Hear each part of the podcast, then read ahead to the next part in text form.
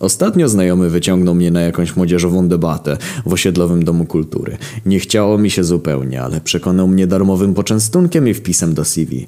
Dzień wcześniej zacząłem przygotowania, wyciągając z szafy stary garnitur mojego starego i białą koszulę, w której ostatni raz chyba na bierzmowanie poszedłem jak mi matka kazała. Nie chciało mi się prasować, więc ten etap przygotowań zakończyłem błyskawicznie. Tematem debaty miał być parytet płci w zarządzaniu firmą i ustalenie, czy w Polsce by to w ogóle przeszło. Zacząłem od wygooglowania, czym jest parytet, potem, czego bardzo żałuję, płeć i ostatecznie zarządzanie firmą. Dowiedziałem się w ten sposób, że kobiety są głupie i nie powinny mieć możliwości dostania się na wysokie stanowiska. Notowałem wszystko na kawałku papieru toaletowego, żeby wyrazić co mieć ściągawkę podczas właściwej debaty. Po tym szczegółowym przygotowaniu poczułem się naprawdę pewnie. Nie było szans, żeby oponenci nas pokonali. Nasza drużyna składała się z łącznie czterech osób. Mnie, Matiego, Kuby i Krzysztofa, który mnie w to wciągnął.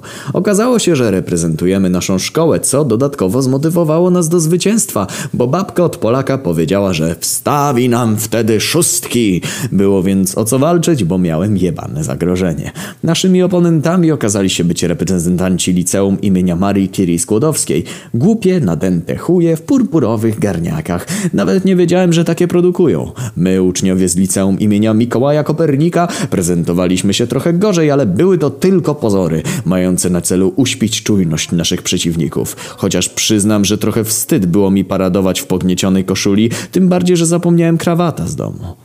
Wreszcie pojawił się marszałek i debata się rozpoczęła. Najpierw zabrał głos Mati. Drogi marszałku, szanowni oponenci, Maria Skłodowska była jebaną kurwą. Marszałek uśmiechnął się pod nosem i wpisał nam pięć punktów. Nawet nieźle, skomentował, ale musisz się bardziej postarać. Jeden z elegancików przeciwnej drużyny podniósł się z gracją. Drogi marszałku, spierdoleni oponenci! Mikołaj Kopernik dawał dupy ojcu. Marszałek skrzywił się, ale dał im dziesięć punktów. To za spierdolonych oponentów, wyjaśnił, ale ogólnie to tak średnio bym powiedział. Szybko wyszło na jaw, że żadna z drużyn nie była zbyt dobra w obrzucaniu się ciętymi tekstami. Po obrażaniu patronów swoich szkół przyszła pora na obrażanie matek poszczególnych uczestników debaty, ale marszałek stwierdził, że za chuja nam tego nie zaliczy. Na szczęście z tego niezbyt ciekawego położenia wyciągnął nas Krzysztof, robiąc ze swoich notatek samolocik, którym wrzucił prosto w ryj kolesia z przeciwnej drużyny. Marszałek dopisał 20 punktów. I wtedy się zaczęło. Oberwałem w ryj kulką z papieru po kanapce, za co marszałek dopisał Skłodowskim 25 punktów. Na szczęście Kuba nie pozwolił mi się nacieszyć tą przewagą zbyt długo, bo zaraz jeden z nich spadł z krzesła, które członek naszego teamu podpiłował linijką. 30 punktów padło równie szybko co wypadło, bo kontratak przyszedł błyskawicznie w postaci cegły wyrwanej ze ściany. Pierdolnęła ona Krzysztofa prosto w czoło i marszałek już miał wpisywać 100 punktów za wyeliminowanie przeciwnika, ale okazało się, się, że ten wciąż się rusza i ostatecznie stanęło na pięćdziesięciu. Nie wyglądało to dobrze, trzeba było działać szybko. Oparłem się o pobliską szafkę i z całej siły naparłem na nią całym ciałem. Udało mi się przewrócić ją idealnie na stu oponentów.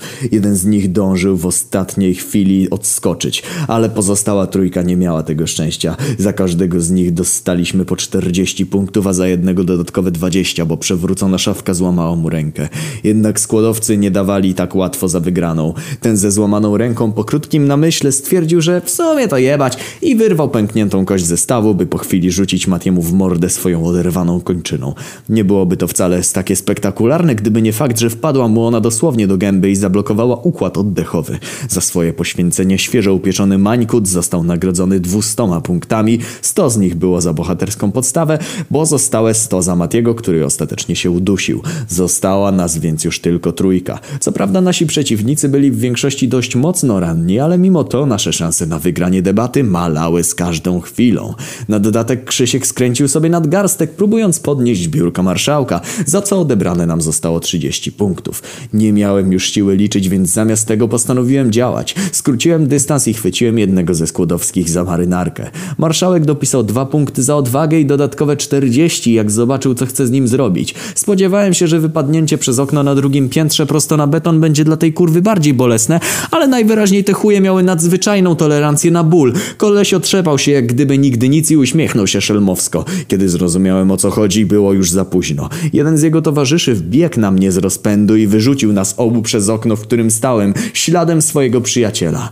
Złamałem sobie nogę i kilka żeber, ale udawałem, że wszystko jest okej, żeby marszałek nie zauważył. Trochę zeszło, zanim zszedł do nas na parking przed budynkiem, gdzie przeniosła się debata.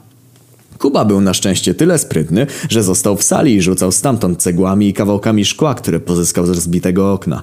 Jeden z nich trafił Skłodowskiego w oko i został tam już na stałe, co skutecznie zmniejszyło jego bojowy potencjał.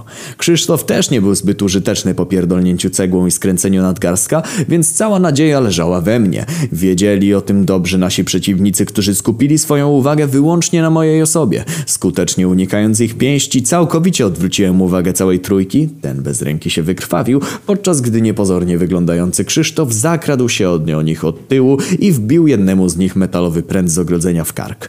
Chyba nie muszę mówić, że zarobiliśmy w ten sposób ponad 250 punktów. Można było powiedzieć, że szanse się trochę wyrównały, bo Kuba w pewnym momencie stracił równowagę i wypadł z okna skręcając sobie kark i odbierając nam tym samym 100 punktów za nieumyślnie samobójstwo. A więc została nas czwórka. Dwa kontra dwa. Pojedynek stulecia. Marszałek trochę się niecierpliwił, bo punkty przestały napływać, a walka utknęła w martwym punkcie. Pomysły na solidne argumenty zaczęły się kończyć, podobnie jak nasze siły. Nagle wpadłem na pewien pomysł. Sekretny cios, którego nauczyła mnie moja siostra blogerka, zwany kontrowersyjna opinia. Kobiety zasługują na to, by być doceniane. Zacząłem zasapany. Marszałkowi spadły okulary, bo nigdy nie spodziewał się, że do tego dojdzie. Kobiety są równie inteligentne co mężczyźni. Często nawet bardziej. Kontynuowałem. Parytet płci w zarządzaniu firmą byłby idealnym rozwiązaniem w kraju takim jak Polska. Zwłaszcza jeśli weźmiemy pod uwagę zjawisko szklanego sufitu. Polskie kobiety czują się gorsze, a wszystko przez wybujałego mężczyzn na wysokich stanowiskach, którzy powstrzymują je przed awansem, mimo że ewidentnie na niego zasługują. Dwójka ocalałych Skłodowskich z bólem upadła na ziemię, zakrywając uszy. Niewiele brakowało, żeby ich mózgi eksplodowały. Uważam, że Polska na wzór Islandii powinna wprowadzić parytet płci w tej płaszczyźnie. Nie pozwólmy na to, żeby polski konserwatyzm i tak powszechny ostatnimi czasy szowinizm odbiły się na tym, jak postrzegają nas inne państwa, ale przede wszystkim na tym, jak postrzegamy samych siebie. Zapadła cisza. Mózgi naszych oponentów pokrywały już większość parkingu. Marszałek drżącą ręką machał długopisem po kartce z wynikami, dopisując kolejne zera do monstrualnej liczby punktów, którą otrzymaliśmy. Spojrzałem triumfalnie na Krzysztofa i ku mojemu zdziwieniu dostałem lepę na ryj. Nie spodziewałem się po tobie tak nieczystej gry, burknął. Następnym razem biorę Piotrka na debatę. On przynajmniej jest szeroki w barach i nie oszukuje. Kulejąc wróciłem się do sali po plecach i resztę rzeczy. Po drodze zaczepiła mnie jakaś młoda blondyna w okularkach. Hej, widziałam jak poradziłeś sobie ze Skłodowskimi. To było naprawdę niesamowite, wyjąkała nieśmiało. Nie chcesz może gdzieś wyskoczyć wieczorem? Nie. Spierdalaj. Odpowiedziałem i wyjebałem się na schodach.